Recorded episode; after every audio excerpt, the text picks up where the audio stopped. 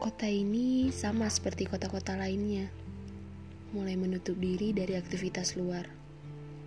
Penyebabnya pun sama, yaitu COVID-19.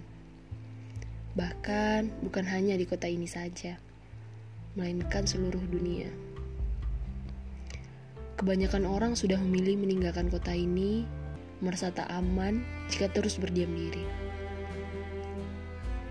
Aku apakah harus menetap atau pulang dan menjauh pergi?